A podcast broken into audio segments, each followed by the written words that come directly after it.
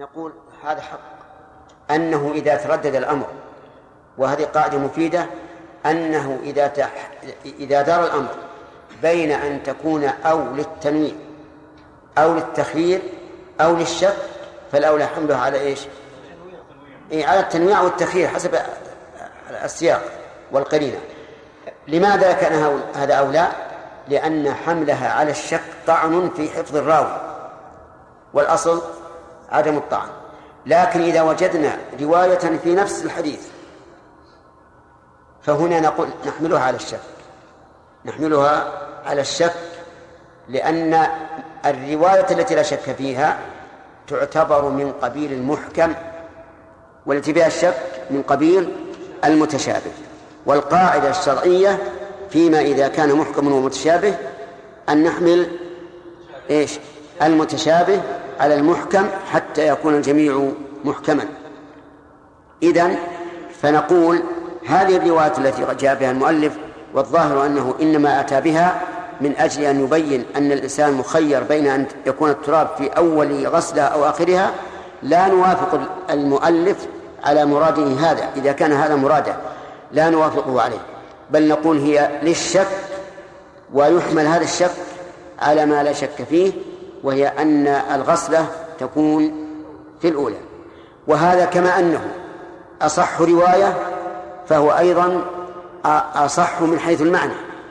لأن كون التراب في الأولى يخفف النجاسة فيما بقي من الغسلات. إذ أن ما بعد الأولى لا يحتاج بعد لا يحتاج إلى تراب.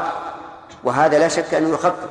لكن لو جعلناه في الأخيرة بقي الغسلات الستة التي قبلها كلها تحتاج إلى تراب وأضرب لكم مثلا يبين الموضوع إذا جعلنا التراب في الأولى ثم غسلناه الثانية وانساب شيء من الماء على ثوب إنسان أو على إناء إنسان فماذا فكيف يغسله؟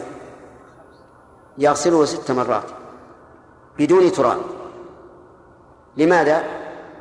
لأن التراب قد استعمل عجيب جماعة في الأولى طيب لكن لو جعل التراب في الأخيرة وانساب الماء في الثانية على على شيء فماذا يغسل؟ كيف يغسل؟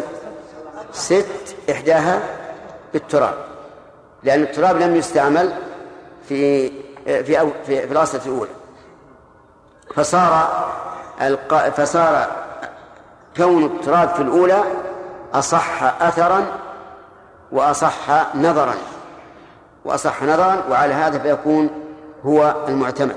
أولاهن بالتراب. وهنا نسأل لماذا أتى المؤلف رحمه الله في هذا الحديث في باب المياه مع أن الأنسب أن يكون في باب إزالة النجاسة في باب إزالة النجاسة وبيانها. يقال إنما أتى به ليبين أن الماء القليل إذا ولغ فيه الكلب فإنه يجب اجتنابه. يجب اجتنابه ويكون نجسا. يكون نجسا حتى وإن لم يتغير.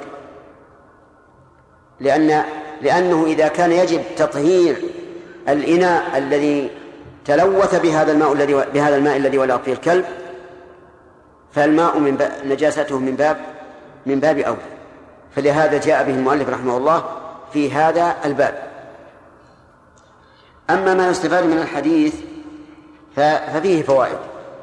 منها أن الكلب نجس. أن الكلب نجس. وجه ذلك أن الرسول صلى الله عليه وسلم أخبر بأنه لا بد من تطهير ما أصابه. فقال طهوره أن يصله. وهذا القول يكاد يكون كالإجماع. ويتفرع منه الرد على من قال بطهارة الكلب لأن الحديث صريح في الرد عليه. ومن فوائد هذا الحديث أنه يجب إذا صاد الكلب صيدا أن يغسل ما أصاب ما أصاب فمه سبع مرات إحداها بالتراب لأن هذا من جنس الولوغ بل ربما يكون أشد تلوثا مما إذا شرب إذا شرب من الماء. لأنه سيأتي بالطير ممسكا بأنيابه آه، على هذا الطير وربما يتفاعل الريق مع شده على هذا اللحم ويختلط باللحم اختلاطا بالغا فيكون مثل الولوغ أو أشد أفهمتم الآن؟ طيب. فهل فهل هذا التقرير مناسب للحال التي كان الناس عليها في عهد الرسول عليه الصلاة والسلام وكانوا يصيدون بالكلاب؟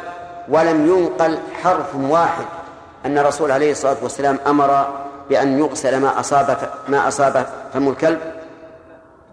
لا.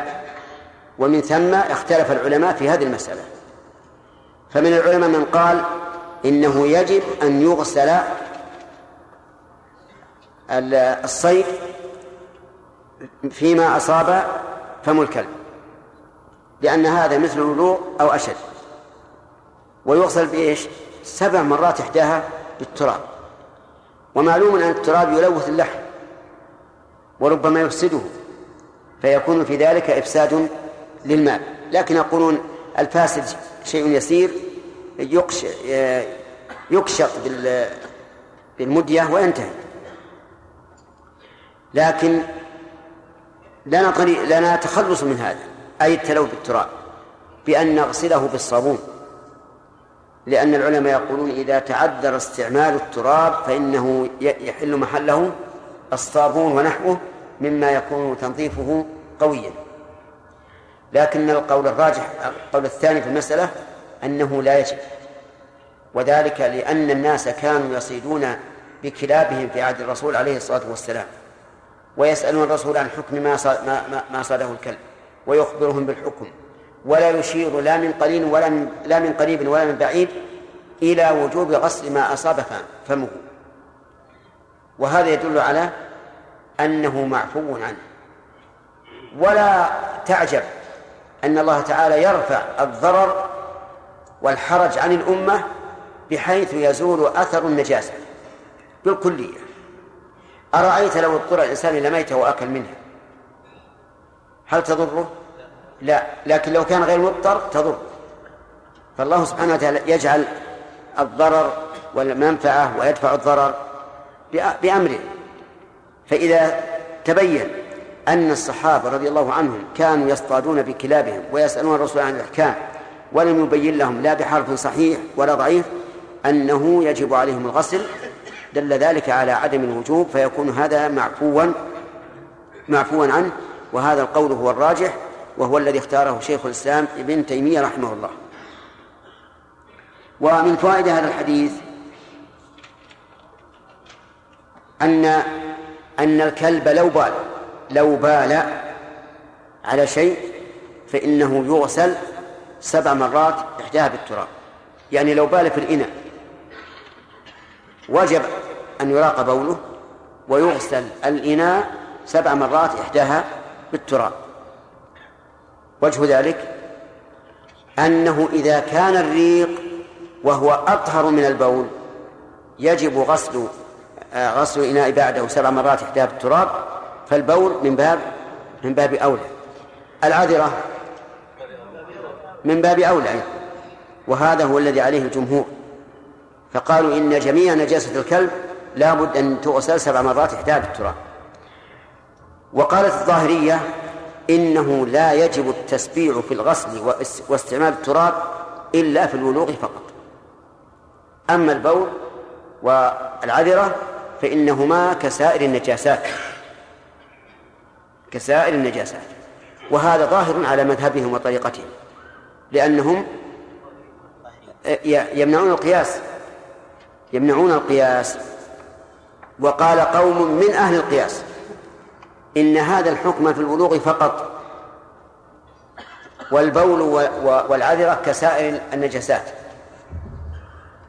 وعللوا ذلك بأن الكلاب تقبل وتدبر وتبول في مسجد الرسول عليه الصلاة والسلام. وأيضا الرسول عليه الصلاة والسلام يعلم أن الكلاب تبول. يعلم أن الكلاب تبول في أمكنة الناس ومجالسهم ولم ينبه على ذلك. ثم عللوا أيضا تعليلا تعليلا طبيا وقالوا إن ريق الكلب فيه خصيصة. لا توجد في بوله وروثه. وهي عبارة عن فيروس أو شيء يعني يعرفونها أهل الطب. دودة شريطية هذه تكون في ريق وتعلق في الإناء. ثم إذا استعمل الإناء بعد ذلك وهو قد تلوث بهذا وأكله الإنسان أكل الإنسان من هذا الإناء أو شرب فإن هذه الدودة الشريطية تعلق بالمعدة وتخرقها. وأنه لا لا يزيلها إلا التراب. والمسألة عندي أنا متأرجح. إن نظرنا إلى رأي الجمهور وإلى قبح البول والعذرة أكثر من الريق قلنا القول ما قال الجمهور. وإذا نظرنا إلى أن الأبوال والأرواث من الكلاب في عهد الرسول عليه الصلاة والسلام كثيرة ومع ذلك لم يأمر بغسلها سبع مرات إحدى بالتراب رجحنا قول من يقتصر على على الريق طيب فإذا قلنا تعادلت الأدلة عند الإنسان فما هو الأحوط؟ نعم؟ يعني قدمنا تعارضت من كل وجه. الحمد لله. أنت إذا غسلت سبع مرات إحدى بالتراب من البول والعذرة لم يقل لك أحد إن المكان بقي نجسا. لكن لو لم تغسل لقال لك إن أكثر العلماء إن المكان صار نجسا. ومن فوائد الحديث أنه لا بد من استعمال التراب في تطهير نجاسة الكلب. على الخلاف الذي سمعته. آه الولوغ أو البول والعذرة آه فيجب التراب. لقول الرسول عليه عليه الصلاة والسلام أولاهن بالتراب. طيب. هل يجزئ غير التراب عنه؟ نعم هذا فيه خلاف أيضا. وفي جملة معترضة قبل يقول بعد ثاني هل يقوم التراب غير التراب مقام التراب؟ يرى بعض أهل العلم أن غير التراب لا يقوم مقام التراب. أن غير التراب لا يقوم مقام التراب آه، لأن النبي صلى الله عليه وسلم قال أولاهن بالتراب. فعين التراب؟ هذه واحدة. ولأن التراب أحد الطهورين. والطهور الثاني؟ الماء. فإذا كان أحد الطهورين وعينه الرسول عليه الصلاة والسلام فلا بد من تعينه. ويرى آخرون أن غير التراب يقوم مقامه. إذا كان مثله في التنظيف أو أشد. وأنتم تعلمون الآن أنه وجد مواد كيماوية أشد من التراب في التنظيف فتقوم مقام التراب.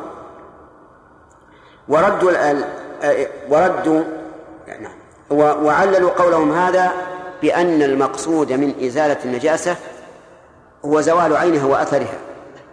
فإذا زالت عينها وزال عينها زالت عينها وأثرها بأي مزيل حصل المقصود. وأجابوا عن الأول قالوا إن النبي صلى الله عليه وعلى آله وسلم عين التراب لأنه أيسر ما يكون أيسر ما يكون على الناس. والرسول عليه الصلاة والسلام قد يعين الشيء ليسرف لا لا لذاته وعينه. ومعلوم أنه في عهد الصحابة التراب من أيسر ما يكون. فعين التراب لأنه أيسر ما يكون لا لأنه مقصود لذاته. كما أم كما يعني لها نظير. كما أمر بأن يصب على بول الأعراب ماء مع أنه يمكن إذا بقي أسبوعا أو شبه ذلك زال. زال أثر البول وطهرت الأرض. لكن أمر أن يصب عليه الماء لأنه أسرع في, في التطهير. طيب. وأما قولهم إنه أحد الطهورين فنقول نعم هو أحد الطهورين لكن طهارة التيمم لا يراد منها التنظيف. إنما يراد بها التعبد لله عز وجل. ولما كان الإنسان يتعبد لربه عز وجل بأن يعفر أشرب ما عنده من الأعضاء بالتراب صار هذا صارت هذه الطهارة الباطنة تسري على الطهارة الحسية الظاهرة. وإلا فمن المعلوم أن أن التيمم بالتراب لا ينظف ولا يزيل شيئا. والنجاسة هل هي عبادة أو غير عبادة. إزالتها قصدا ليست عبادة. ولذلك لا يشترط لها نية. ويزول حكمها لو أزالها غير مكلف. ويزول حكمها لو زالت بالمطر ونحوه. وعليه فنقول إذا وجد ما يقوم مقام التراب من الأشياء المنظفة جيدا فإنه يقوم مقام التراب. ولكن لو قال قائل لماذا لا نتبع النص؟ والحمد لله ما يضرنا. نقول نعم حقيقة أن الأولى الأخذ بالنص. سواء قلنا إن غيره يجزي أو لا يجزي. لماذا؟ لأنك إذا جعلت التراب في إزالة نجاة الكلب فقد طهر المحل بالنص والإجماع. لكن إذا استعملت غيره مما هو مثله أو أنظف صار في ذلك إيش؟ خلاف. صار في ذلك خلاف. وكلما تجنبنا الخلاف مع تساوي الدليلين فهو أولى. لكن لاحظوا الكلمة اللي قلت مع تساوي الدليلين. أما إذا ترجح أحد القولين فلا عبرة بالخلاف. طيب. ومن فوائد الحديث أنه أن أنه لو وقعت نجاسة الكلب على غير على غير الأواني هل تغسل سبع مرات؟ يعني مثل لو أن الكلب جعل يلحس ثوبك أو يلحس ساقك ماذا تقول يغسل سبع مرات أولاهن بالتراب. إلا ما يضره التراب فيستعمل غير التراب. واضح؟ لأنه لا فرق بين الإناء وغيره. طيب هل يستثنى من ذلك كلب الصيد والماشية والحرث؟ نعم. ذهب بعض العلماء إلى استثناء ذلك. وقال المراد بالكلب الكلب السبوعي الغير أليف. وأما الأليف فلا يجب في غسله التسبيح أو آه، استعمال التراب. لكن هذا القول ضعيف لأن اختلاط الكلاب بالناس إذا كانت معلمة أكثر من إيش؟ من اختلاطها إذا كانت غير معلمة. فكيف نحمل كلام الرسول عليه الصلاة والسلام على الشيء القليل وندع الشيء الكثير. هذا بعيد. هذا بعيد. انتبه أخ. إذن القول بأن هذا بأن هذا الحديث في الكلاب التي لا يجوز اقتناؤها قول ضعيف. ما الذي يضعفه؟ أن اختلاط غير المع... غير المباحة مع الناس قليل. فلا يمكن أن يحمل كلام الرسول عليه الصلاة والسلام على الشيء القليل ويترك الشيء الكثير. طيب. نظير هذا ولا بأس أن نأتي به وإن كان لا لا نظير هذا قول الرسول عليه الصلاة والسلام. من مات وعليه صيام صام عنه ولي حمله بعض العلماء على أن المراد بذلك النذر.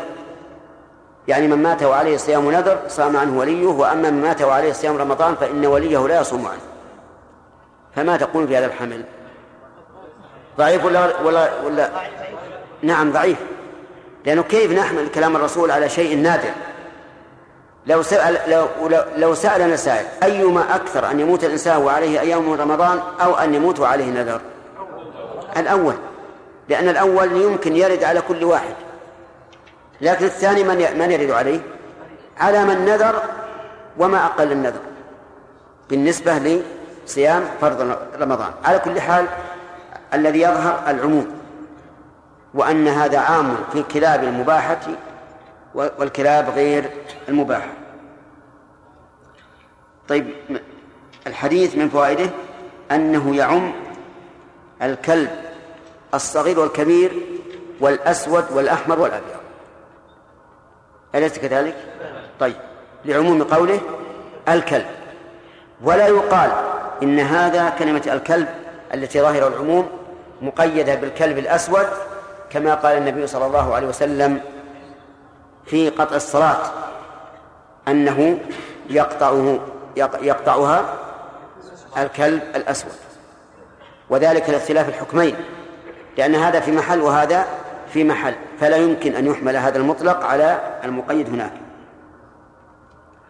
ومن فوائد هذا الحديث أن من النجاسات ما هو مغلظ وما, وما هو تعبدي. مغلظ تعبدي. نجاسة الكلب الآن مغلظة.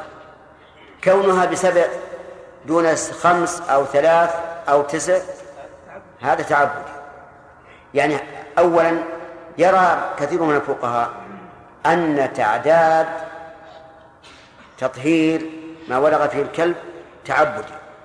أصلا هو تعبدي.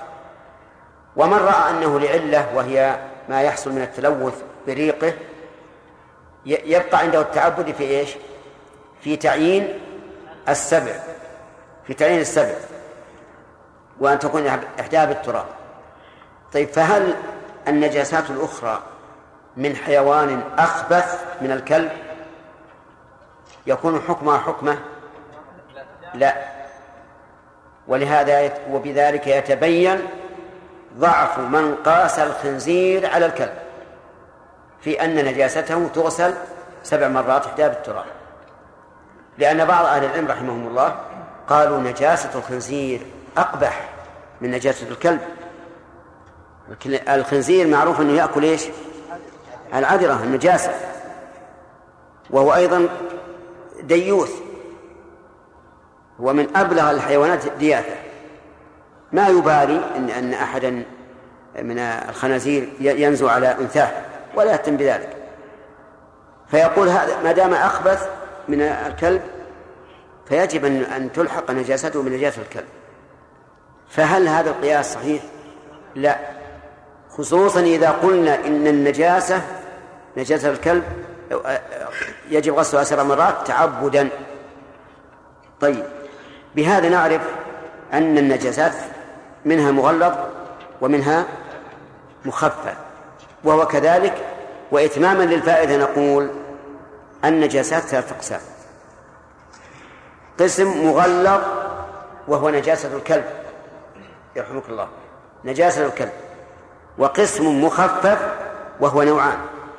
النوع الأول بول الصغير بول الذكر الصغير الذي لم يأكل الطعام. يعني يتغذى باللبن وهو ذكر. إذا ذكر إيش؟ صغير لم يأكل الطعام يعني لم يتغذى به. والثاني المذي المذي وهو الذي يخرج من الإنسان عقب الشهوة. فلا هو بول ولا هو مني. هو في منزلة بين منزلتين ولكنها ليست منزلة المعتزلة في منزلة بين منزلتين بين البول وبين المني لأن المني طاهر وذلك لأن قوة الشهوة أنضجته وأزلت ما فيه من الأذى حتى صار طاهرا. البول خبيث المذي بينهما فلذلك صار صارت نجاسته مخففة. كيف مخففة؟ يعني أنه يكفي فيها النضح. أي أن تغمرها بالماء ويكفي. تأتي بالإبريق تصبه على المكان النجس ويكفي. ما يحتاج عصر ولا فرق ولا شيء. هذه نجاسة نقول إنها يا سامي. وين رحت؟ الثاني الثالثة المتوسطة بين ذلك. وهي باقي النجاسات. حتى نجاسة الخنزير. واضح يا جماعة؟ طيب. من فوائد هذا الحديث أنه أن الغسل لا بد أن يكون من مالك الإناء الذي وقع ولغ فيه الكلب. توافقون على هذا؟ يا أخوان إذا إذا إناء أحدكم إذا ولغ فيه الكلب أن يغسله. نقول هذا نعم هذا غير الغالب ولدينا قاعدة عند العلماء الأصوليين يقولون القيد الأغلبي لا مفهوم له. وهذه فائدة تنفعك في مواطن كثيرة. القيد الأغلبي لا مفهوم له. وبناء على ذلك. لو رأيت كلبا ولغ في, في إناء جاري وأخشى أن الجار يأتي ويشرب من هذا الإناء وهو لا يدري. فقمت وغسلته بسبع مرات سبع مرات إحدى بالتراب. يكفي ولا ما يكفي؟ يكفي. ولو كان إناء لغيري؟ نعم. لأنها قيد إناء أحدكم إنما هو بناء على على الأغلب طيب. يستفاد من هذا الحديث أن الكلب محرم الأكل. محرم الأكل. من أين عرفنا ذلك؟ لا لدينا قاعدة يا جماعة أعطيتكم إياها قبل. القاعدة ذكرنا قبل. كل نجس فهو حرام. وليس كل حرام نجسا. طيب إذن نقول هو حرام. خلافا لمن قال من العلماء إنه مكروه لأن الأصل الحل. لأن بعض العلماء يقول مكروه لأن الأصل الحل. وغفل عن قول عن أن النبي صلى الله عليه وسلم نهى عن كل ذي ناب من السباع. فإن الكلب بلا شك له ناب. له ناب يفلس به. أليس يصيد الصيد؟ طيب إذن داخل في الحديث. ثم هذا الحديث الذي معنا أيضا يدل على أنه حرام. لأنه إذا كان يجب علينا أن نتوقع من بلوغه كيف ندخل لحمه في أفواه في بطوننا؟ فإذا اضطر الإنسان إلى ذلك يأكله؟ كيف يأكل؟ طيب أكله. هل يجب عليه أن يغسل فمه سبع مرات حتى بالتراب كيف؟ آه. طيب نشوف نبحث المسألة هذه. هل نقول لما أباحه الله ارتفعت النجاسة عنه؟ نعم. كالحمير حين كانت مباحة ليست نجسة ولما حرمت صارت نجسة. أو نقول إنه يجوز أن يتبعض الحكم فيقال من أجل الضرورة أبحناه لك. لكن النجاسة باقية النجاسة باقية. فلا بد أن تغسل فمك سبع مرات إحدى بالتراب.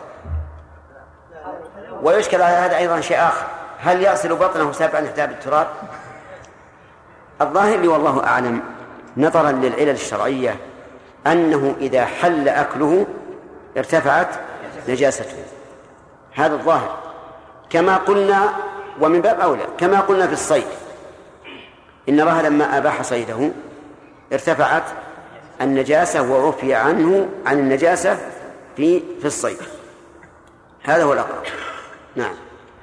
بالنسبة للصيد بما أنه بكثرة في عهد بكثرة؟ نعم. نعم. نعم. نعم.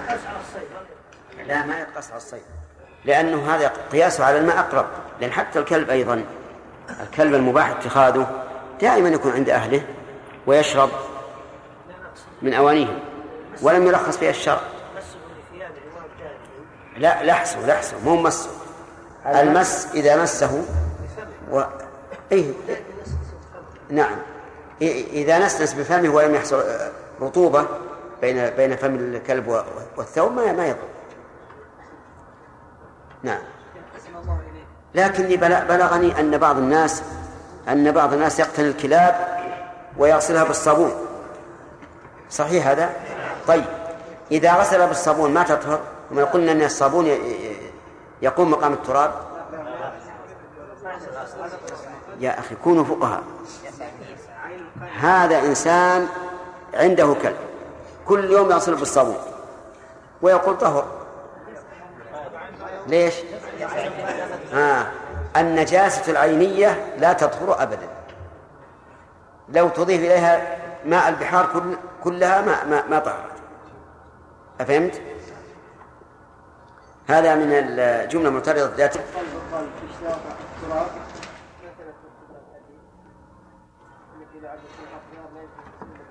إيش؟ لا يرجح قول من قال باشتراط التراب نعم لفظ الحديث. إيه باشتراط التراب. ما يرجح اشتراط التراب ما ثبت في الطب الحديث. إيه إنه في الحديث اشتراط التراب إيه؟ طيب إحنا أجبنا عن هذا. لكن ثبت في الطب الحديث إيش؟ ثبت في الطب الحديث. ها؟ إن في لعاب الكلب في الطب الحديث؟ ما عدد إذا ثبت بالطب الحديث أن أن البلاء الذي يصيب الإناء بولوغ الكلب فيه لا يزيله إلا التراب؟ هذا مما يقوي القول بأنه لا يجزى غير التراب. نعم.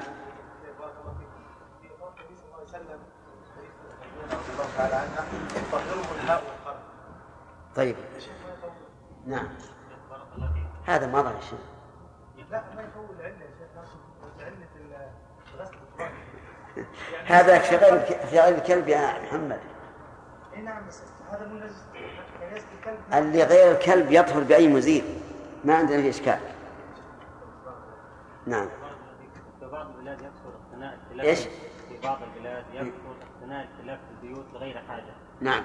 فإذا سقى الكلب على إحدى الطيور على أحد الطيور التي تكون في المنزل. فإذا؟ سقى الكلب على بعض الطيور التي في المنزل. بعض الطيور. نعم. وجرحها ثم نعم. فهل نقول أنه يعفى عن عن غسله شو شفيت؟ ذكيت أي الظاهر ما يعفى عنه. لماذا؟ لأن لأن صيده حينئذ غير غير حلال. يعني لو مات لو مات هذا لو ماتت من هذا الكلب ما حلت. نعم. التراب هل نقول فيه هنا ما قلنا في التيمم أنه كل صعيد على وجه الأرض حتى ولو كان رملا؟ أي نعم نعم نعم نعم. الماء التي لو زيدت إيش؟ ما هو الضابط في كمية الماء التي لو زيد قدرها قلنا لا تغسل سبعا التي إيش؟ لو زيد قدرها يعني. يزاد؟ لا تغسل سبعا خلى بعد الصلاة بعد الأذان. يا رب آت محمدا الوسيلة بعد الصلاة نعم. الأخ نكمل سؤالك. في الماء الكثير الذي إذا زاد قلنا لا يغسل سبعة. الماء الكثير الماء مستحدث مثل لو لو ولغ الماء لو لو ولغ الكلب في بركة ماء واسعة عظيمة ما ما يجب غسله وسيأتينا إن شاء الله تعالى أنه أن النجاسة على الأرض مطلقا في الحديث اللي بعده النجاسة على الأرض المطلقة يكفي فيها غسلة واحدة تزيل أثر النجاسة. نعم. أي نعم. ما ما كملنا الكلام عليه. نعم. شيخ هل نقول كما ذكرنا أن الضرر قد يزول بالاضطرار فهل نقول أن الضرر قد يزول أيضا بالجهل؟ لا. لا ما يزول. نعم. الله إليك. نستعمل في بعض احيان البحث آه، مسألة أن إذا اختلف القولين فإن نأخذ باليسير بالأيسر وفي بعض الأحيان بالاحتياط فمتى يكون هذا ومتى يكون هذا؟ لأن استعملنا قلنا بقاعدة الاحتياط في مسألة لأن الأصل النجاسة عندنا أصل وهي النجاسة في هذا الكلام. نعم. إيش؟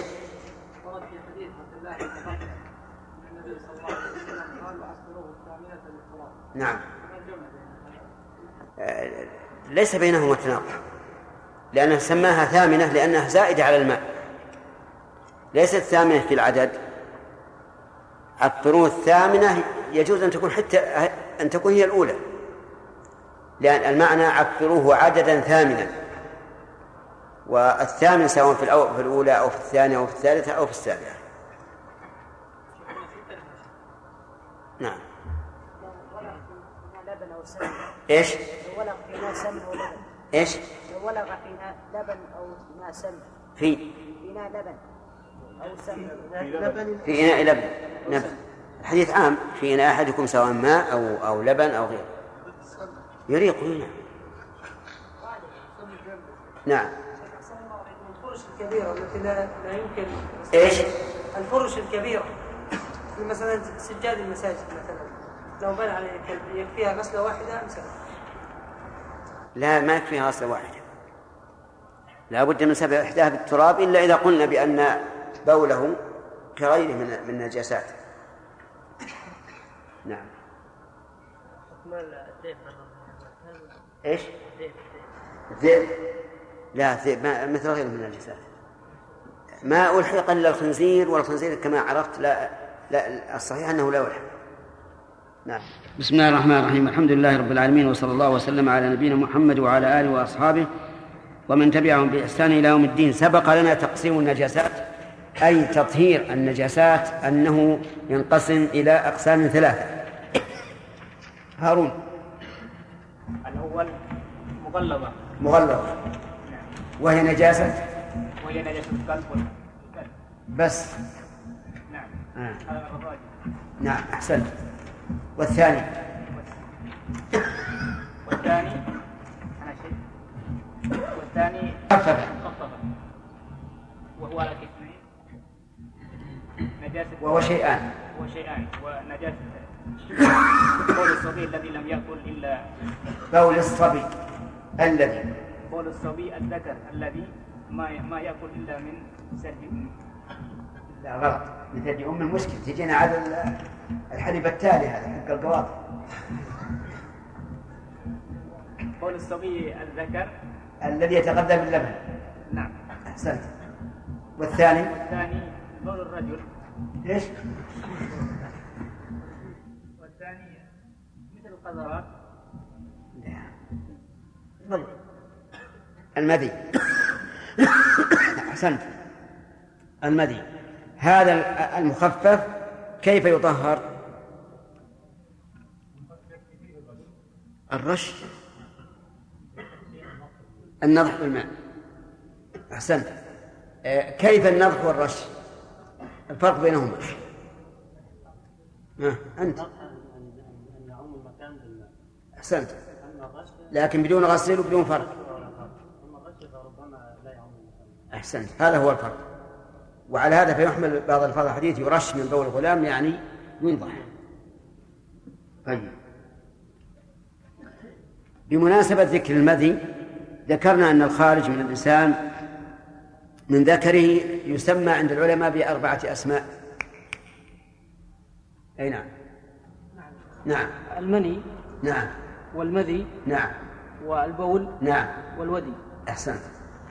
أربعة أشياء. ما الذي ما الذي يكون حكمه واحدا من هذه؟ وغيره. المني. لا. البول. وكذلك المذي. غلط. ما بقى شيء نعم. البول والودي. البول ها؟ نعم والودي. والودي. لأن الودي آخر البول. عصارة المثانة يسمى وديا. طيب. آه، المني ما هو القول الراجح فيه؟ مسعود. أنه طاهر. الدليل دليل قول عائشة رضي الله عنها الذي رواه البخاري أن أنها كانت تفركه من ثوب رسول الله صلى الله عليه وسلم ويخرج النبي صلى الله عليه وسلم ويصلي فيه أو كما قال. طيب حديث عائشة أنها تفركه من, من, من ثوب النبي صلى الله عليه وسلم فركا فيصلي فيه. طيب. آه المذي آه، الدليل أنه يكفيه النضح حديث علي بن ابي طالب وفي أنه قال خرج من داء أن نستعيذ فنسال النبي صلى الله عليه وسلم أمرت مخرجه فسالناه قال فذكر لا هذا؟ نعم. في بعض الألفاظ حديث علي ليس ثوب منه فقال تأخذ كف من الماء تنضح ما ما قال أصاب منه. نعم. طيب. أما الودي والبول معروف. آه الآن نأخذ حديث أبي قتادة الدرس الجديد.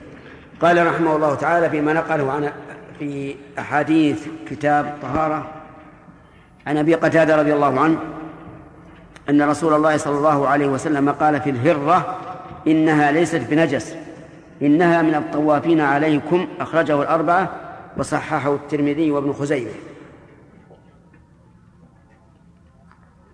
قال قال في الهرة إنها ليست بنجس. هذا الحديث له سبب يعني سياقه له سبب. وليس قول وليس صدوره من الرسول عليه الصلاة والسلام له سبب بل سياق أبي قتادة له له سبب.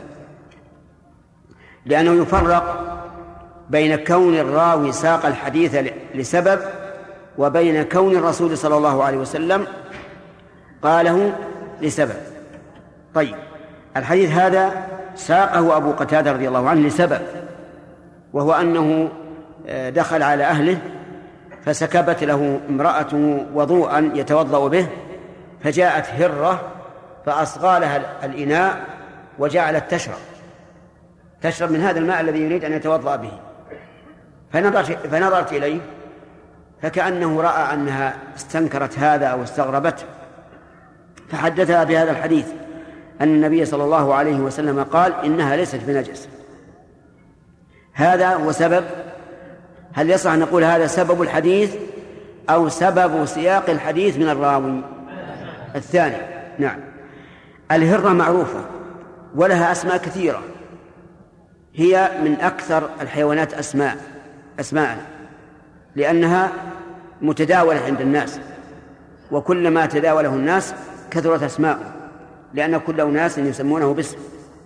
ولهذا من أكثر ما يكون أسماء الأسد والهر. الهرة تسمى هر في الحديث تسمى أيضا قطة وتسمى سنور وتسمى بس بفتح الباء. نعم. قال في القاموس إن العامة تكسره وإلا فهو بس. طيب. ولها أسماء كثيرة. يمكن من راجع كتاب الحيوان للدمير أو غيره ينظر أسماءها. لكن هذا العلم يعني ليس بذاك المهم. المهم أن الهرة لو سئلنا ما هي قيل هي هذه المعروفة بين الناس المتداولة بين الناس. الهرة هل هي سبع أو لا؟ هي في الواقع من السباع لأنها تفرس بنابها تفرس بنابها فهي من السباع.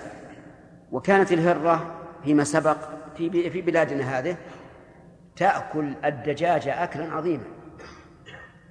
تقفز عليها وهي معلقة في مسراها عن الدجاجة وتنزلها في الأرض وتأكلها. أما الآن فسبحان الله صارت تأكل معها في الإناء سويا ولا تقول لها شيء شيئا أبدا.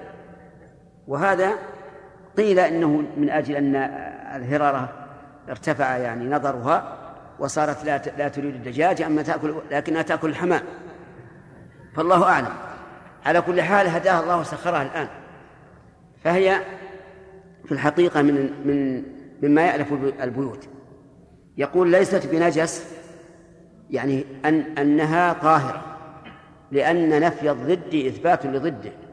فإذا نفى أن تكون نجسا صارت طاهرة. نعم. ليست بنجس ونجس هنا صفة مشبهة. صفة مشبهة كبطل اسم للشجاع. كذلك نجس اسم لما فيه نجا لما هو نجس بذاته ومنجس لغيره لكن الرسول عليه الصلاة والسلام يقول إنها ليست بنجس ثم أن النبي صلى الله عليه وسلم من عادته وحكمته وبلاغته في التعليم أنه إذا ذكر الحكم ذكر علته. لا سيما إذا كان الحكم يحتاج إلى علة من أجل أن يطمئن الإنسان إلى هذا الحكم. قال انها ليست بنجس علل ذلك لم يقل إنها حلال. قال إنها من الطوافين عليكم. إنها من الطوافين عليكم. لم يقل من الطوافات. الظاهر والله أعلم اتباعا للفظ القرآن. في قوله تعالى طوافون عليكم بعضكم على بعض.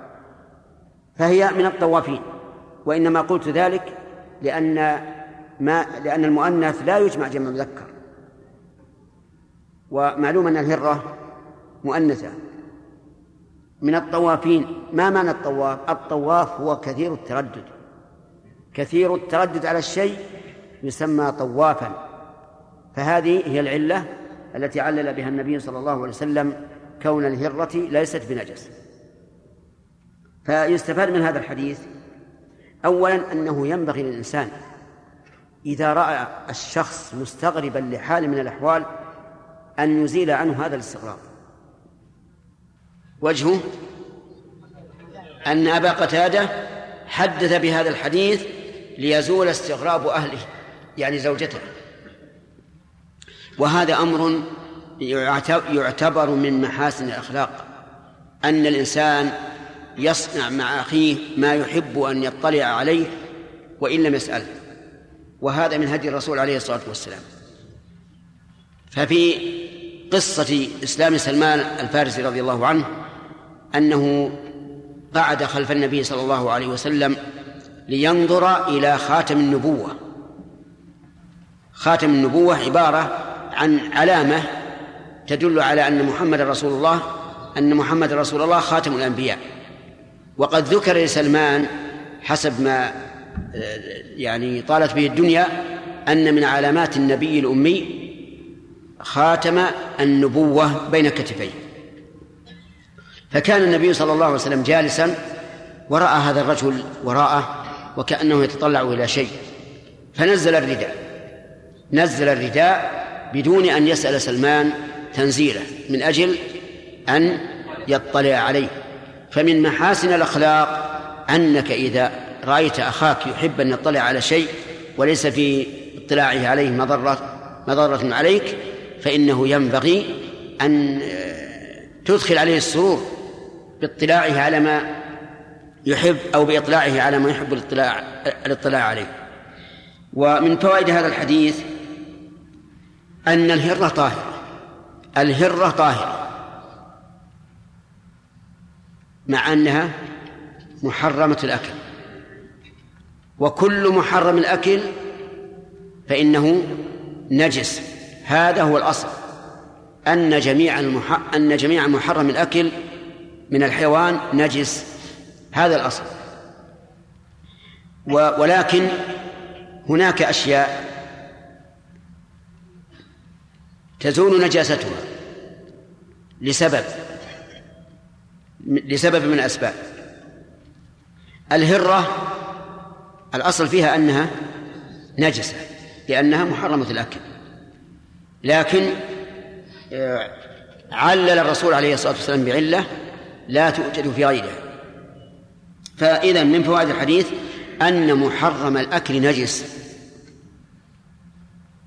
لأن الرسول أخرج الهرة عن النجاسة لسبب لا يوجد في غيره.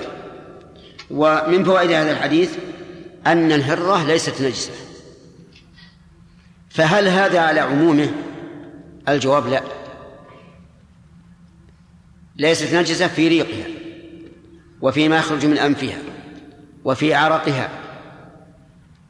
وفي سؤرها أي بقية طعامها وشرابها في بولها نجسة. في روثها نجسة في دمها نجسة.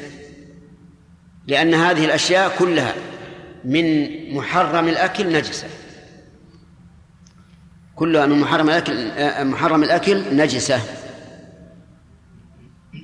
فكل ما يخرج من جوف محرم الأكل فإنه نجس. كالبول والعذرة والدم والقيء وما أشبه. طيب. من فوائد هذا الحديث أن الهرة لو شربت من ماء وهذا هو وجه الشاهد وجه سياق الحديث في هذا الباب لو شربت من ماء فإن الماء لا ينجس قليلا كان أو كثيرا لأن الإناء الذي كان يتوضأ به أبو قتادة قليل. ومن فوائده أنه لا فرق بين أن تكون هذه الهرة أكلت شيئا نجسا أم لم تأكل. لماذا؟ لإطلاق الحديث. فلا يقال مثلا لو لو رآها تأكل فأرة ثم شربت من الماء صار الماء نجسا. يقول الحديث عام. أنها ليست بنجس سواء أكلت ما هو نجس عن قرب أو عن بعد. نعم لو رأيت أثر الدم الذي في شفتيها آه، في هذا الماء يكون نجسا لكن إذا مر إذا لم ترى شيئا فهي طاهرة. من فوائد هذا الحديث أن المشقة تجلب التيسير. وجهه أن أن الله تعالى رفع النجاسة عنها لمشقة التحرز منها حيث إنها إيش؟ من الطوافين. ولو كانت نجسة وهي في البيت تشرب من الإناء تشرب من اللبن آه، تأكل من الطعام لكان في ذلك مشقة. ومن فوائد هذا الحديث أن النجاسات التي يشق التحرز منها معفو عنها. وذكر العلماء من ذلك يسير الدم يسير الدم النجس غير الخارج من السبيلين يعفى عنه. وقال شيخ الإسلام ابن تيمية جميع النجاسات يعفى عن يسيرها مع مشقة التحرز منها. وما قاله رحمه الله ينطبق على القاعدة. فعلى هذا الذين يستخدمون الحمير والحمار تعرفون إنه يبول ويروث أحيانا يقف وهو على على, ظهر الحمل يقف ويبول على أرض صلبة. ماذا يصيب صاحبه؟ سيصيبه الرشاش. يقول شيخ الإسلام إن مثل هذا يعفى عنه. يعفى عنه. لمشقة التحرز منه. وأخذ هذا هذا القول من من هذا التعليل إنها من الطوافين عليه. طيب. آه، من فوائد هذا الحديث أن الفأرة طاهرة. أن الفأرة طاهرة. الدليل. من الطوافين عليكم عللوا بالحديث أحسن. إنها من الطوافين عليه. فهي طوافة علينا. فإذا قال قائل أليس النبي صلى الله عليه وسلم قال في الفأرة تموت في السمن ألقوها وما حولها؟ بلى. نعم هو قال هكذا. لكن هذه ميتة. والفأرة إذا ماتت تكون نجسة والهرة أيضا إذا ماتت تكون نجسة وذلك لأن العلة التي من أجلها خففت زالت الآن. الآن ماتت ما تكون طوافة. واضح؟ طيب. من فوائد هذا الحديث أننا أنه لو شرب حيوان محرم الأكل وهو أكبر وهو دون الهرة لكنه لا يراه إلا نادرا فإنه يكون نجسا. توافقون؟ نعم. وهذا هو الصحيح. وما ذكره بعض العلماء من أن مناط الحكم هو حجم الحيوان دون دون مشقة التحرز منه فهو ضعيف. لأن بعض العلماء رحمهم الله جعل مناط الحكم آه الجرم وقال الهرة وما دونها في الخلقة طاهر. وهذا لا يدل عليه الحديث. الحديث يدل على أن العلة هي إيش؟ مشقة التحرز. فإن قال قائل ينتقض ذلك عليكم بالكلب. كلب الصيد كلب الحرث كلب الماشية طواف علينا. والتحرز منه شاق وقد ثبت أن نجاسته مغلظة أيضا. يقال إن إن الشريعة الإسلامية فيها عموم وخصوص. فيها عموم وخصوص. أيهما الذي يقضي على الآخر؟ الخاص. نعم. يقضي على العام. فيقال الكلب مستثنى. الكلب مستثنى بدلالة الحديث. ونحن ليس لنا أن نحكم بالقياس على النص. وإنما نحكم بالنص على القياس. نعم. ومن فوائد هذا الحديث رحمة الله عز وجل بالخلق حيث خفف عنهم ما يشق عليهم اجتنابه لقوله إنها ليست بنجس إنها من الطوافين.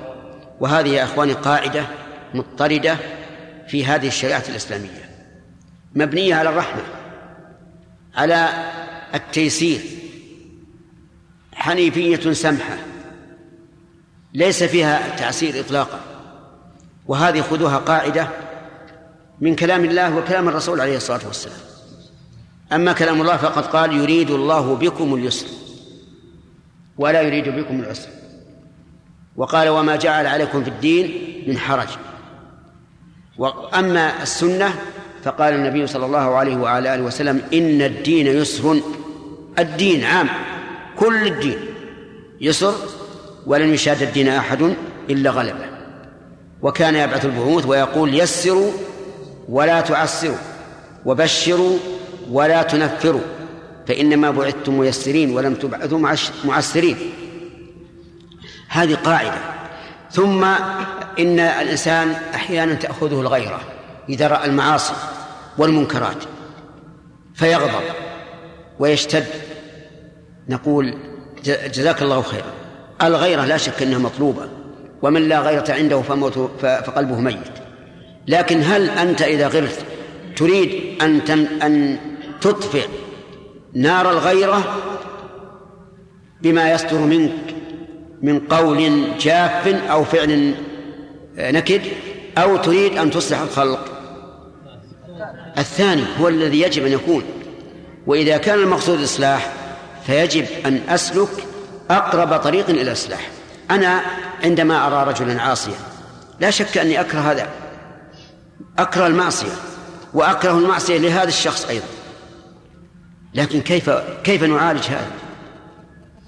هل الإنسان إذا جاء إذا وجد شخص شخصا فيه جرح ورم هل يأتي بالسكين السيئة ويشقه ويدعه يهرق دما أو أنه يأتي بألطف ما يكون مما تحصل به العملية وينظفه.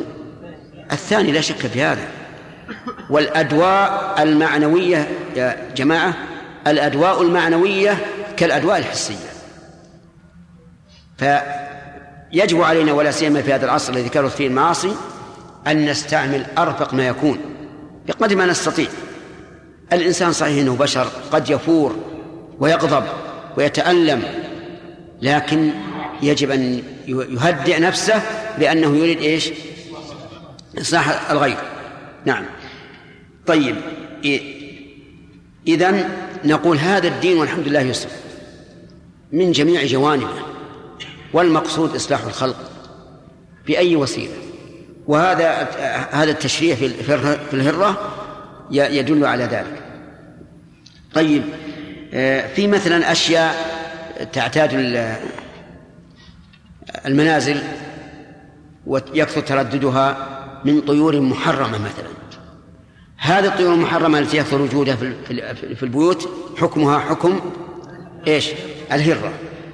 أما إذا كانت لا تأتي إلا نادرا وليس من الطوافين فكما قلت لكم كل محرم الأكل فهو نجس إلا أنه يستثنى شيء واحد.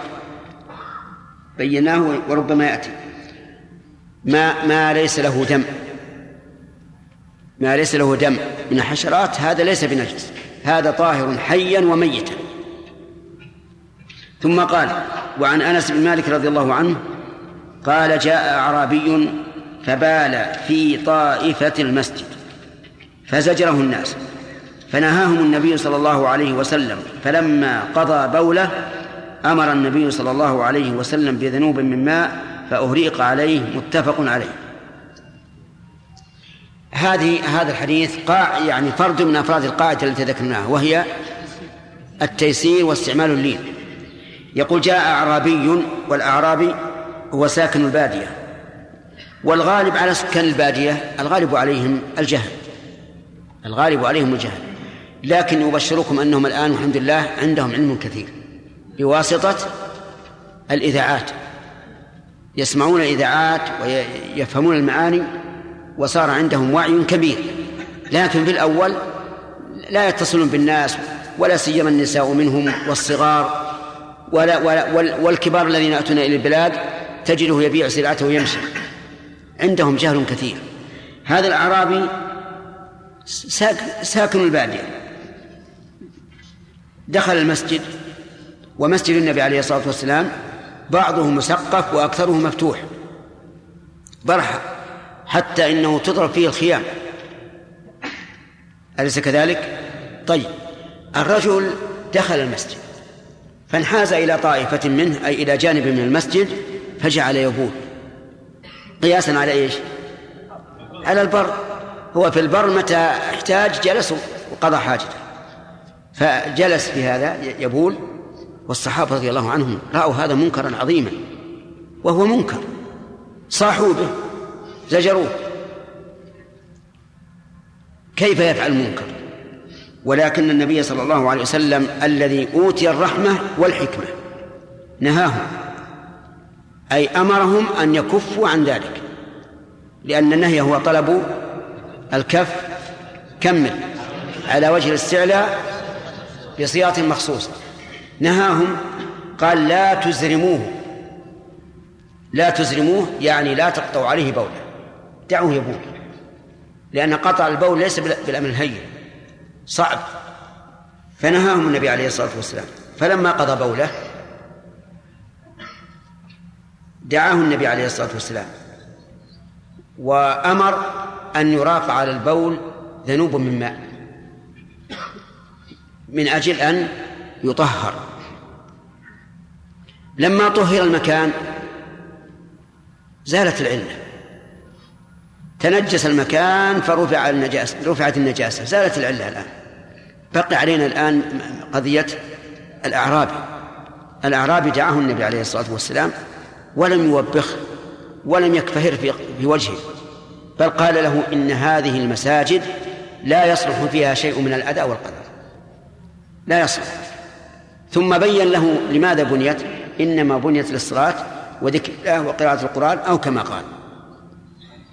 الأعرابي اطمأن انشرح صدره. الصحابة رضي الله عنهم زجروه. والرسول عليه الصلاة والسلام كلمه بكلام معقول يفهم ويطمئن إليه. المساجد لا يصح فيها شيء من الأذى والقدر. إذن لماذا بنيت للصلاة والذكر وقراءة القرآن؟ أو كما قال الأعرابي انشرح صدره وكما يقول العامة انبسط فقال اللهم ارحمني ومحمدا ولا ترحم معنا أحدا.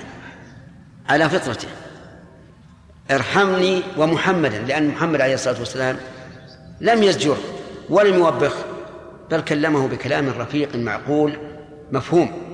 ولا ترحم معنا أحدا لمن يشير. الظاهر أول ما يكون الصحابة لأن الصحابة زجروه ومع ذلك ما لم ينكر عليه الرسول عليه الصلاة والسلام لأنه يعرف أن هذا ما صدر عن بغض ولا عن كراهية. لكن أناس زجروه وأرادوا أن يقوم من بوله فيتضرر فقال هكذا. في هذا في هذا الحديث فوائد كثيرة. منها جهالة الأعراب وأنهم أهل الجهل. وقد قال الله تعالى في القرآن الكريم في آخر التوبة الأعراب أشد كفرا ونفاقا وأجدر أن لا يعلموا حدود ما أنزل الله على رسوله والله عليم حكيم. ومن الإعراب إيش؟ من يتخذ ما ينفق مغرما ويتربص بهم الدوائر عليهم دائرة السوء والله سميع عليم. هذان قسمان.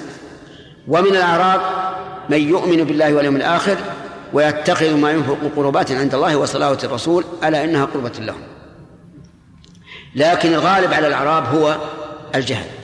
ومن ثم نرى أنه من الحاجة الشديدة أن طلبة العلم يجبون الفيافي من أجل أن يذكروا هؤلاء الأعراب ويبصروا لهم لا سيما إذا كان طالب العلم معروفا عندهم يقبلون قوله. ومن فوائد هذا الحديث أنه يجب تطهير أرض المسجد. يجب تطهير أرض المسجد. لقوله نعم لأن النبي صلى الله عليه وسلم أمر أن إيش؟ يراق عليه. ومن فوائده تحريم البول في المسجد. لأن النبي صلى الله عليه وسلم لم ينكر إنكار الصحابة على الأعراب وإنما قال لا تزرمون ومن فوائد هذا الحديث وجوب المبادرة بإنكار المنكر لماذا؟ لأن الصحابة بادروا بإنكار المنكر لكن نقول في هذه المسألة ما لم يكن تأخيره أصلح. فإن كان تأخيره أصلح كان أولى. فهذا الأعرابي بقي. يبول في المسجد لأنه أصلح. وبناء على ذلك لو أننا رأينا شخصا عند قبر النبي عليه الصلاة والسلام يدعو النبي يا محمد يا محمد يا محمد ارزقني افعل افعل. هل نصيح به؟ عجيب ما نصيح به. ندعه خلوا يطيب خاطره وإذا انتهى أمسكناه. وقلنا يا أخي نعم أقول يا أخي لأن هذا كفر لأنه لم يكفر هذا جاهل وإلا ما أقول يا أخي وهو مشرك. هذا لا يصلح. ما يصلح. دعاء غير الله غلط. ما أقول شرك. حتى يطمئن أكثر.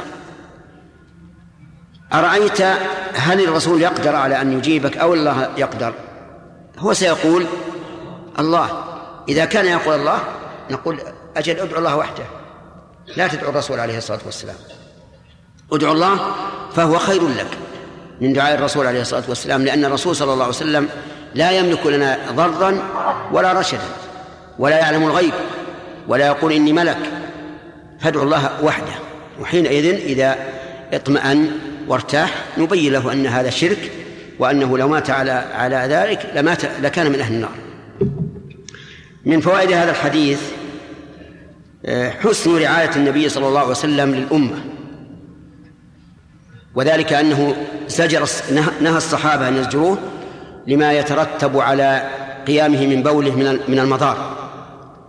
فمن المضار أنهم يقطعون عليه بوله. وقطع البول مع استعداده للخروج ضرر. يضر المثانة ويضر مجاري البول مجاري البول. وأيضا لو قام فهو بين أمرين إما أن يقف البول وإما أن يستمر. إن آه، نعم إما أن يبقى مكشوف العورة قصدي إما أن يبقى مكشوف العورة وحينئذ إيش؟ تنكشف عورة أمام الناس وإما أن يسترها وحينئذ يتلوث يتلوث آه، ثوبه إزاره أو أو ما أشبه ذلك. وإن بقي أيضا رافع الثوب والبول ينزل حصل بذلك مساحة تنجس بذلك مساحة أكثر. ومن فوائد الحديث أن الأرض لا تطهر إلا بالماء. يعني فلا تطهر بالشمس والريح. وجه ذلك أن النبي صلى الله عليه وعلى آله وسلم أمر أن يراق على بوله سجل. نعم. آه، ذنوب ذنوب من ماء. وقال بعض أهل العلم إن الأرض تطهر بالشمس والريح. إن الأرض تطهر بالشمس والريح. وأجابوا عن الحديث بأن النبي صلى الله عليه وسلم أراد المبادرة بالتطهير لأنه لو تركها حتى تطهر بالشمس والريح قد تبقى يومين أو ثلاثة أو أكثر. وإزالة النجاسة من المسجد واجبة على الفور وهذا لا يحصل إلا بالماء. ومن فوائد هذا الحديث أن تطهير المساجد من النجاسة فرض كفاية. وجهه أن الرسول عليه الصلاة والسلام أمرهم ولم يشارك. ولو كان فرض عين لكان هو أول الفاعلين له لكنه فرض كفاية. وعلى هذا فمن رأى نجاسة في المسجد وجب عليه أن أن يزيلها. فإن لم يتمكن وجب عليه أن يخبر المسؤول عن تطهير المسجد وتنظيفه.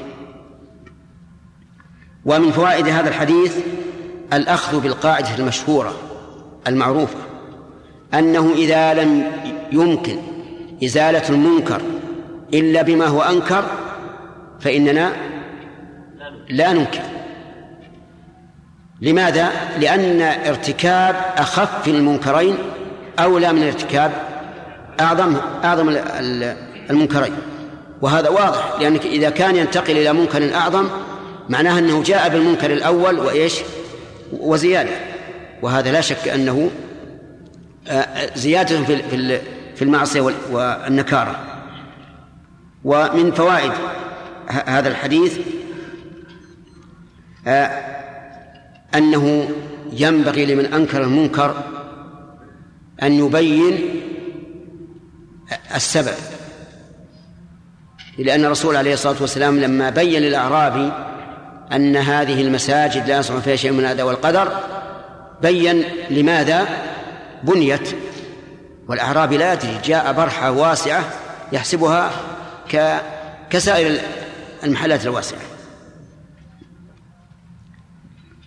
ومن فوائد هذا الحديث آه، أنه ينبغي بل يجب على الإنسان أن ينزل كل إنسان منزلته. لو أنها لو أن الذي حصل منه البول في المسجد آه، كان رجلا من أهل المدينة ممن يعرفون الأحكام الشرعية ما نعامل هذه المعاملة. لكن عاملنا هذا الأعرابي لأن الغالب عليه الجهل. وعلى هذا فيكون من قواعد الشريعة أن الإنسان ينزل الناس منازلهم.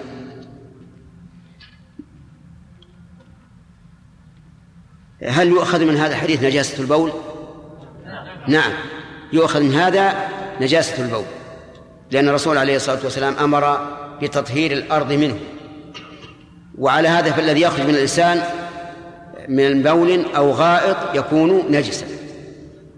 أما العرق والريق والقي والدم وما أشبه ذلك فمحل خلاف بين العلماء.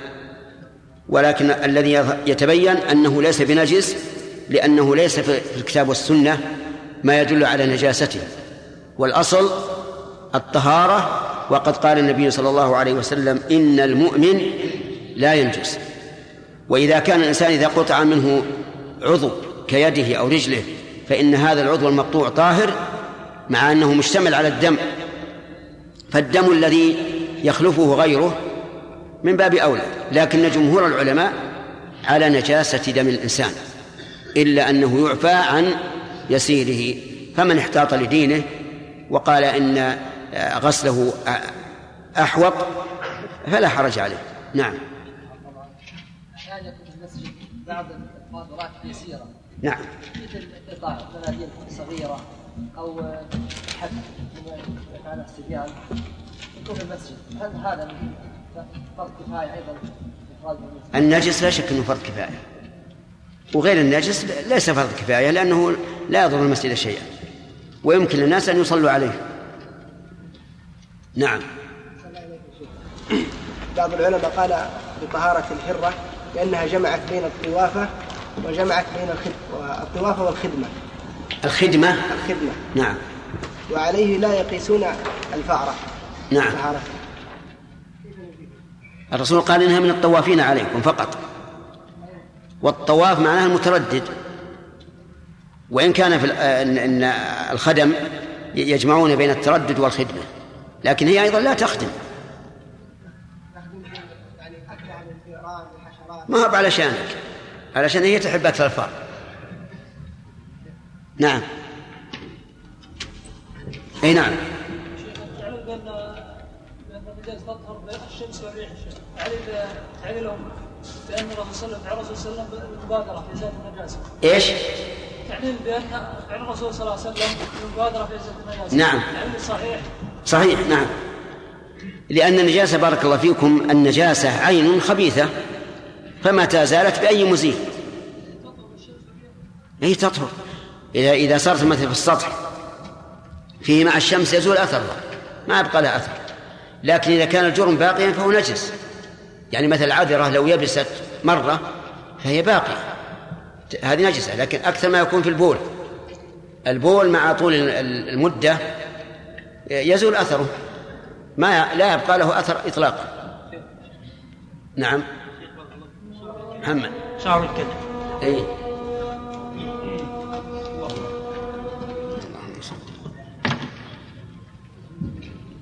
اللهم رب هذه الدعوة التامة والصلاة القائمة. هات محمد الوسيلة والفضيلة والبعث المقام نعم يا جمال كل محرم الأكل. إيش؟ كل محرم الأكل. نعم. فإن عرقه وريقه نجس. فإنه نجس. نعم. لا يشكل على هذا الإنسان شيء فإن اللحم أكله حرام. إيش؟ الإنسان. نعم. بني آدم. نعم. أكل لحمه حرام لكن عرقه وريقه طاهر. إيه؟ كل ذكرنا لكم انه كله طاهر إلا البول والغائط. كل ما يخرج منه طاهر. الرسول قال إن المؤمن لا ينجس. إي نعم. نعم. نعم. شعر الكلب يرى شيخ الإسلام رحمه الله أنه طاهر. لكن في النفس منه شيء. فالظاهر أنه اذا إذا أصاب الإنسان وهو رطب أو أصابه الإنسان وهو رطب أنه نجس. يتلوث بال نعم. الأحوط على التسبيح. نعم. يا شيخ بعض المحققين رحمهم الله إذا جاء في حديث أعرابي يذكر أنه فلان ابن فلان وهو من جفاة البادية. إيش إنه؟ وهو من جفاة البادية. مع أن الأعرابي هذا يعتبر صحابي. فما يصير هذا الشيء في وش يقول- وش يقول؟ يذكر مثلا في الحديث جاء أعرابي إلى رسول الله صلى الله عليه وسلم. اي يذكر مثلا يقول أنه هو هو فلان ابن فلان وهو من جفاة البادية. إيه؟ يعرف هذا الأعرابي ما يضر يعني تسميته؟ إيه تسميته قول من جفاة البادية. ها؟ قول من جفاة إيه. اي اي نعم. صحابي على كل حال إذا قال فقد قال الله تعالى الأعراب أشد كفرا ونفاقا وأجرى ولا يعلم حدود ما أنزل الله. لكن- الأحسن لا شك أنه لا يصف الصحابي بالجفاء. لكن لا لا بأس. نعم. إذا بال صبي على الفراش في المنزل فهل نكتفي بنطحه بإراقة البول أن الماء عليه مرة واحدة أم؟ لا إذا كان يمكن غسله إذا كان يمكن غسله بأن تحمل الفراش تغسله يغسله إذا كان مثل هذا الم- المفروش على الأرض اللازق بها فهذا يصب عليه أولا ينشف البول بالإسفنج قبل قبل قبل إراقة الماء. قبل إراقة الماء. لأنك إذا أرقت الماء عليه وهو باقي يكون مساحته أكبر. أولا نشفه بال- بالإسفنج ثم صب عليه مرتين أو ثلاثا. تصب وتجفف تصب وتجفف ثلاث مرات. نعم. انتهى الوقت؟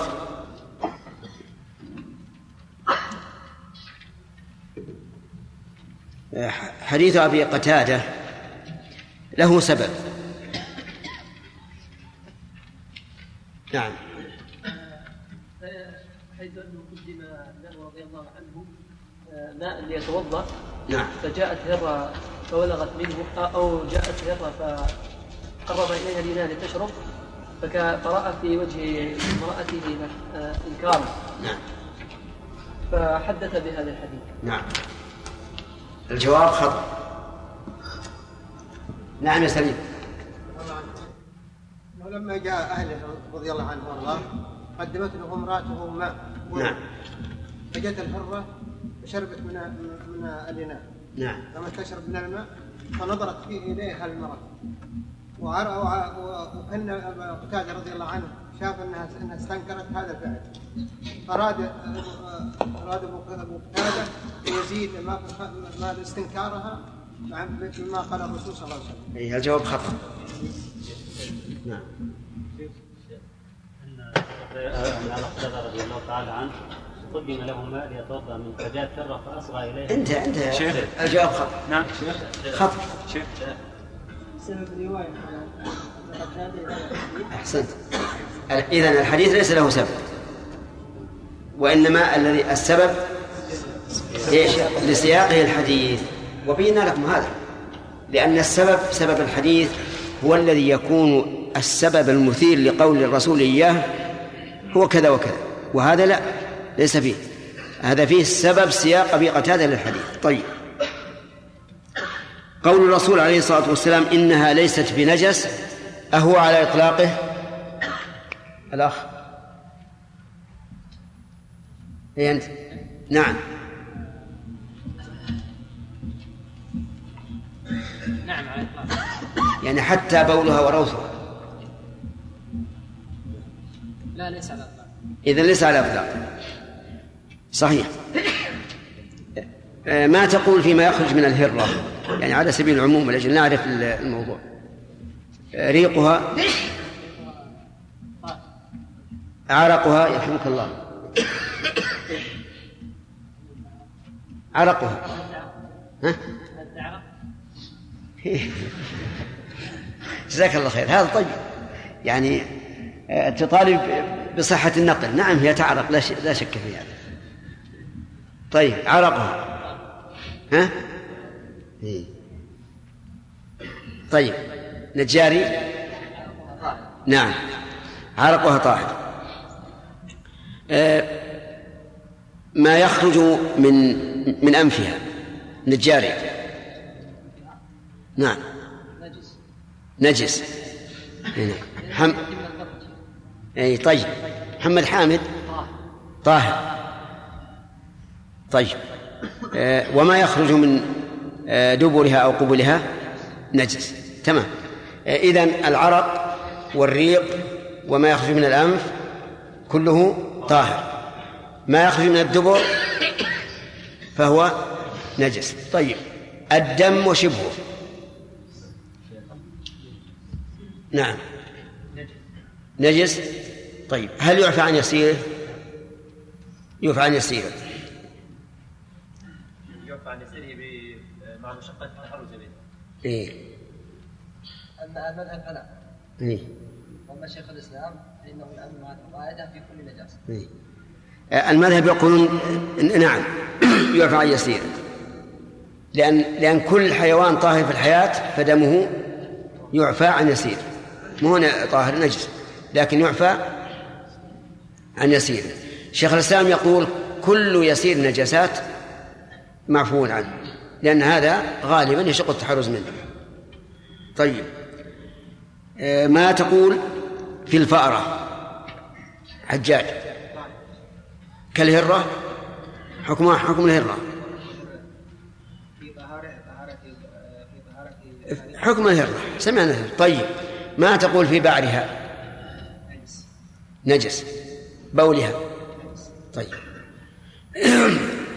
البعر معلوم أحيانا يشق التحرز منه لأنها تأتي على المكاتب وتبعر على الكتب وربما تبول. فعلى قاعدة الشيخ الإسلام رحمه الله نقول اليسير منها يعفى عنه وعلى المشهور من المذهب لا يعفى عنه. طيب. ما هو العلة في كونها طاهرة؟ إبراهيم. إيش؟ أجل بالأخرج الآن طيب تفضل. أنها من الطوافين طيب. الطوافين هل المراد الطوافين الخدم أو الم... أو المكثر التردد؟ المراد كسر التردد التردد. طيب. آه هذه العلة هل يلحق بها ما ما يساويها فيها؟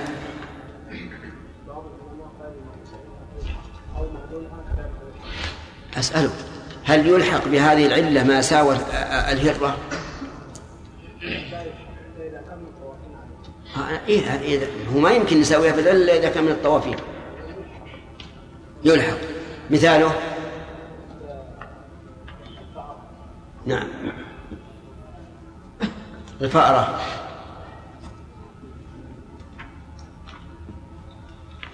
البغال والحمير ها؟ البغال والح- والحمير. نعم وكذلك على القول الراجح البغال والحمير. طيب أحسنت. و- ويؤيد هذا في مسألة الحمار والبغال أن الرسول عليه الصلاة والسلام كان يركبها والصحابة يركبونها أيضا وهي لا تخلو من من عرق ولا تخلو من نخرة ولا تخلو من ريق ولا تخلو من شراب من الماء. ولم يرد عن النبي عليه الصلاة والسلام أنه أمر بالتحرز منها. طيب في حديث أنس فائدة مهمة فيما يتعلق بالأمر بالمعروف والنهي عن المنكر وخالد حامد بينها لنا.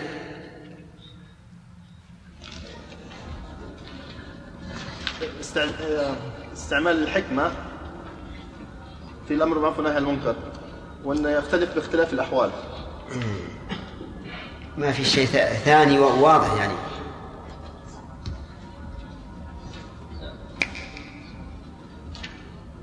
نعم. أنت. استعمال الرفق واللين يا شيخ. إيش؟ الرفق واللين لا, لا هذه. أنا أريد شيء مهم يستنكره العامة لو نقوله. نعم أحمد زاهد أن إنكار المنكر إذا ترتب عليه منكر أكبر فلا يجوز.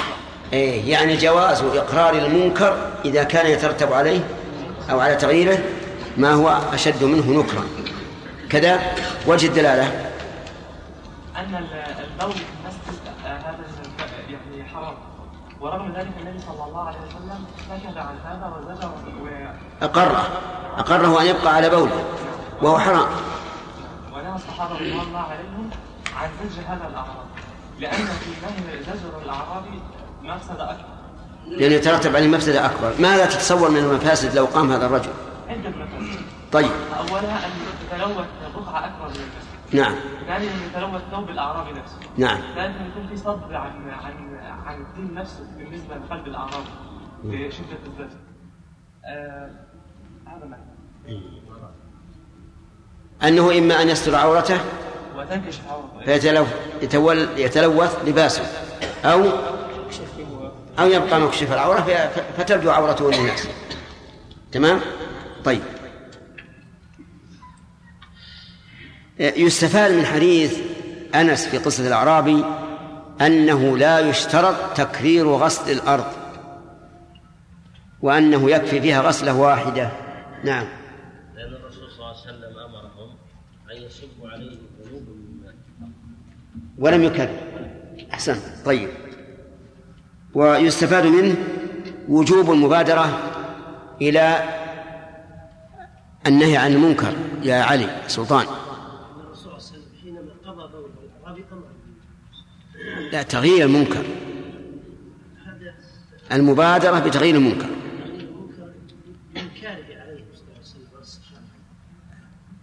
الرسول يقول لا لا لا لا, لا, لا تغيير المنكر فقط أي المبادرة بإنكار المنكر. وبادر الصحابه بالانكار نعم. انكار الرسول على انكار ذلك والزجر أحسن. صحيح. الرسول عليه الصلاة والسلام ما قال لماذا تت- تتعجلون؟ لأن هذا هو الأصل. طيب. الفائدة من ذكر أنس أنه أعرابي. الفائدة من ذكر أنه أعرابي.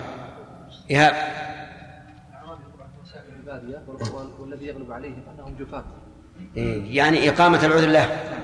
الم- المقصود من كلام قول أنس أعرابي ليكون في ذلك إقامة لعذره.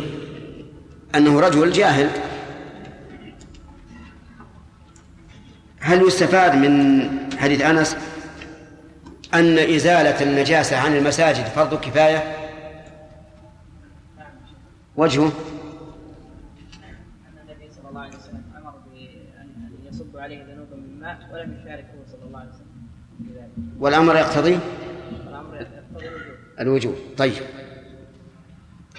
استدل به بعض العلماء على أنه لا يكفي في إزالة النجاسة إلا الماء وأن الأرض لا تطهر بالشمس ولا بالريح. هذا هو ظاهر. ما وجه الاستدلال؟ أن النبي صلى الله عليه وسلم أمر أن يراق عليه ماء طيب. أحسنت. ولم يذكر شيئا سواه. طيب. آه، من العلماء من نازع فيها وقال إن الأرض تطهر بالشمس والريح. فبماذا يجيب عن هذا الحديث يا محمد حامد؟ يجيب عن هذا الحديث لأن الرسول صلى الله عليه وسلم استعجل في بادر في- في إزالة النجاسة عن المسجد. لأن قد يأتي ناس يصلون تكون النجاسة موجودة. والواجب مبادرة في إزالة النجاسة. يعني ولو, ولو أنها زالت بالشمس والهواء لتأخرت إزالتها. إذا الفائدة من ذلك من تخصيص الماء هو المبادرة بإزالة النجاسة عن المسجد. هل يستفاد من هذا الحديث وجوب طهارة البقعة في الصلاة؟ يعني الإنسان أنه لا يجوز أن يصلي على محل نجس.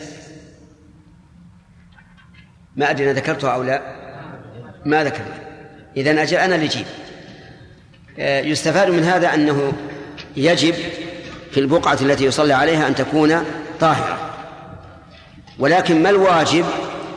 هل الواجب أن تكون جميع البقعة كما لو كان يصلي على سجادة طرفها نجس؟ هل الواجب أن تكون جميع البقعة التي يصلي عليها طاهرة؟ أو المقصود ما يباشره في صلاته الثاني. الثاني